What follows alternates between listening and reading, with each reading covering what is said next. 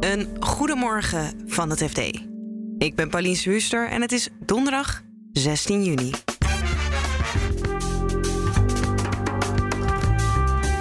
De ECB heeft gisteren een spoedvergadering in moeten lassen om de markten wat te kalmeren. Dit, dit lag in de lijn verwachtingen. Ze hadden het vorige keer eh, moeten zeggen eh, wat ze gingen doen. Er kwam een oplossing voor het oplopende renteverschil tussen Italië en Duitsland. Of in ieder geval de aanloop naar een mogelijke oplossing. Er is, gezegd van wij geven alle comité's die hierover gaan, eh, die geven het mandaat om versneld met een nieuw instrument te komen. En de Fed zette ondertussen de grootste rentestap in 28 jaar. Paul zei net in de persconferentie van ja, nee, we kunnen we ook niet. eh, we hadden ook niet zes weken moeten wachten hiermee. Dit is de dagkoers van het FD. En vandaag hoor je dus alles over de centrale banken. De Europese Centrale Bank in Frankfurt die maakt zich druk over het oplopende renteverschil tussen landen als Italië en landen als Duitsland en Nederland, wat mogelijk zou kunnen zorgen voor een volgende eurocrisis. En natuurlijk hoor je in deze aflevering over centrale banken van onze centraal bankierwatcher Joost van Kuppenveld. Die na de ECB-vergadering van afgelopen week eigenlijk al een beetje had voorspeld dat er wel een spoedvergadering moest komen. Nou, dat laat ik me graag aanleunen, maar dat, dat, dat is niet zo. Want ik, ik praat natuurlijk ook alleen maar eh, andere mensen na.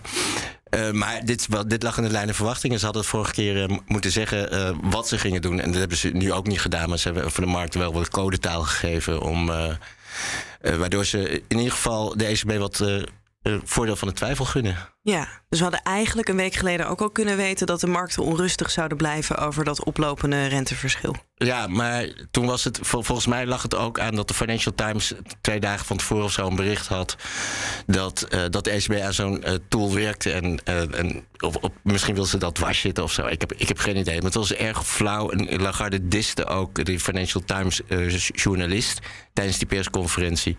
Maar ja, nu moest ze toch, moest ze toch het verhaal vertellen. En met welk verhaal Lagarde kwam, dat hoor je van onze macro-economie-redacteur Marijn Jongsma.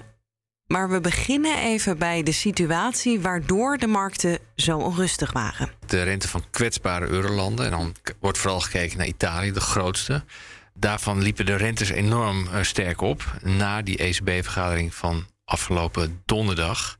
Vorige week dus. Ja, dat die rente zo opliep na die vergadering, dat eh, kwam een beetje omdat beleggers of markten, om het zo maar te zeggen, die hadden verwacht dat de ECB met een soort maatregel zou komen, een instrument zeg maar, om eh, die rentestijging te beteugelen, een soort nieuw programma.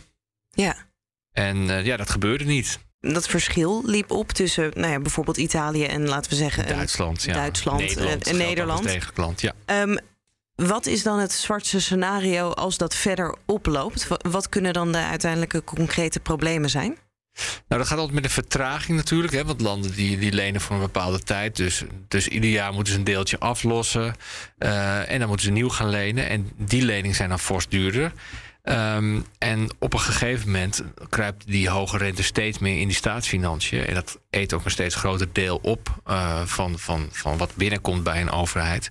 En op een gegeven moment kun je eh, op een eh, punt komen waarbij eh, ja, een overheid het niet meer kan financieren. En, moet zeggen van ja jongens, wij, wij, deze rente is voor ons te hoog. En, en komen we dan weer bij een soort tweede eurocrisis? Ja, het is precies eh, dit spookbeeld wat naar voren komt. Eh, destijds waren het ook die stevig stijg- eh, stijgende rentes in, in de perifere landen, zoals dat zo mooi heet. Italië, Spanje, Griekenland. Portugal, ja. Ierland heeft ook nog problemen gehad. Eh, vandaar het woordje perifeer in plaats van Zuid-Europees. Ehm, en die landen kregen toen allemaal steunprogramma's en dergelijke om te zorgen dat ze hun financiering op orde blij- bleven houden. Eh, en daarna eh, bleef het toch voortwoekeren. En toen heeft Mario Draghi in 2012 gezegd: Ik zal al het nodige doen om de euro te redden. Ehm, want het gevaar was natuurlijk dat op een gegeven moment landen zouden zeggen: jongens, wij kunnen niet meer betalen. Wij stappen eruit en we betalen terug in lires, bij wijze van spreken. Die natuurlijk dan fors in waarde dalen. Ja. Die belofte van een zeg maar onbeperkte opkoper. Uh, mocht het nodig zijn, ja, die, die belofte alleen al heeft, uh, heeft voorkomen dat, um, dat de eurozone daadwerkelijk uiteen is gevallen. Ja, zonder dat het daadwerkelijk ingezet moest Ja. worden. Ja.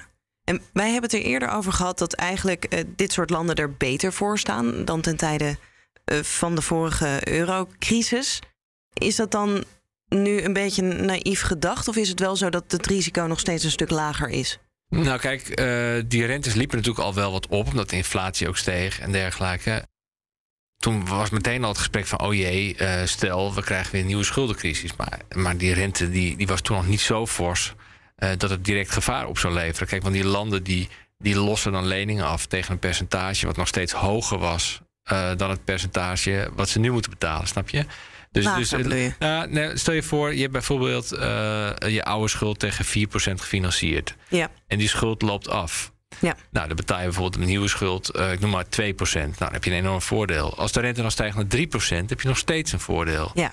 Maar als de rente zoals nu in Italië al 4% is, ja, dan heb je al geen voordeel meer. En op een gegeven moment kom je op een niveau dat je gewoon meer kwijt bent aan je rentelasten. Ja, en dan wordt het lastig. En dan wordt het lastig. Ja. Zeker als je veel schuld hebt, zoals Italië. En wat is nu dan de oplossing eh, die de ECB heeft eh, gepresenteerd? Of is er überhaupt een oplossing gepresenteerd? N- Nou, er is meer de aankondiging van een oplossing. Dus ehm, er, is, er is gezegd van wij geven alle comité's die hierover gaan, eh, die geven wij het mandaat om versneld met een nieuw instrument te komen.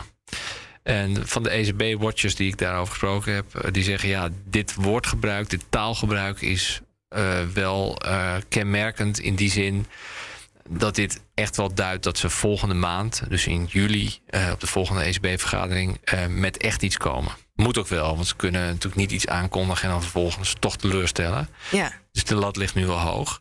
En hoe dat instrument er dan uit komt te zien, ja, dat is, is een beetje speculeren. Maar dat wordt waarschijnlijk wel ehm, iets dat een beetje lijkt op waar Draghi toen mee kwam. Dus eigenlijk een, een onbeperkte vuurkracht, maar dan waarschijnlijk wel onder voorwaarden. Dus als je als land zegt, we hebben een probleem. Dan zegt de ECB bijvoorbeeld, nou dan gaan we jouw eh, obligaties kopen, waardoor die rente daalt. Ja. Eh, maar dan moet je wel eh, beloven dat je je leven gaat beteren. Dus je moet misschien- Staatsschuld naar beneden. Ja, je moet bijvoorbeeld met een soort programma komen waardoor die staatsschuld op termijn inderdaad harder daalt dan nu het geval is. En tot slot gaan we weer terug naar Joost van Kuppenveld. Want er was gisteren nog een centrale bank die met nieuws kwam. De Amerikaanse centrale bank, de Fed, doet de grootste rentestap sinds 28 jaar. Ze gaan 75 basispunten omhoog. En Fed-voorzitter Jerome Powell kon eigenlijk niet veel anders. Ja, ze hadden getelegrafeerd dat het 50 basispunten zou worden. En daarna komt er een stille periode. En dan mogen ze niks zeggen. Maar het inflatiecijfer wat, wat vrijdag uitkwam. en een peiling onder consumenten over inflatieverwachtingen. die waren, die waren zo hoog dat, dat ze nu wel moesten. En Paul zei net in de persconferentie. van ja, nee, we, kunnen we, ook niet, eh, we hadden ook niet zes weken moeten wachten hiermee. Nee. En wat zegt dat nou? Dat je dan 75 basispunten eh, verhoogt. terwijl mensen hadden verwacht dat het 50 zou zijn? Op, ja, op, op dit moment maakt het niet zoveel uit, want de markten eigenlijk hadden, hadden geanticipeerd daarop. Eh, dat kwam ook door een verhaal in de Wall Street Journal, waarin dat min of meer eh, werd gesuggereerd. En de Wall Street Journal zit altijd het dichtst bij de vet van alle financiële kranten. Dus dus het, was geen, het was geen verrassing. Dus ja, de markten reageerden ook opgetogen. Ja. En zegt dit nog iets over hoe ze inschatten dat de inflatie zich gaat ontwikkelen of, of er mogelijk een recessie komt? Eh, ja, dus ze hebben de inflatieverwachtingen verhoogd. En ze, eh, maar ze, ze denken niet dat er een recessie komt.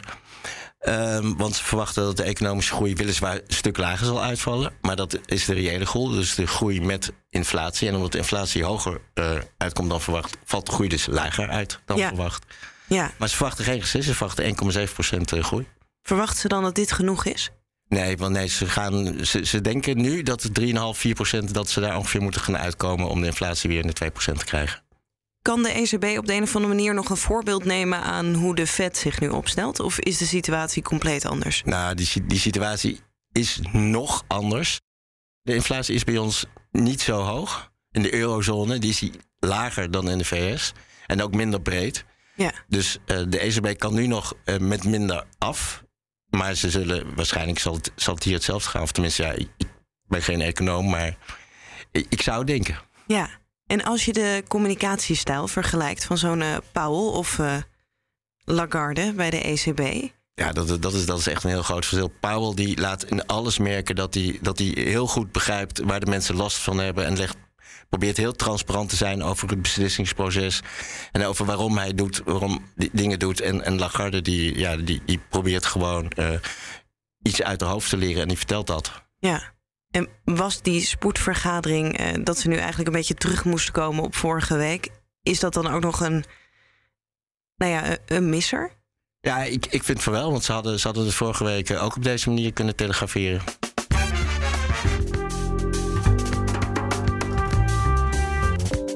Dit was de dagkoers van het FD. Op fd.nl vind je de stukken van Joost en Marijn en je blijft er op de hoogte van het laatste financieel-economisch nieuws. Wij zijn er morgenochtend weer met een nieuwe aflevering.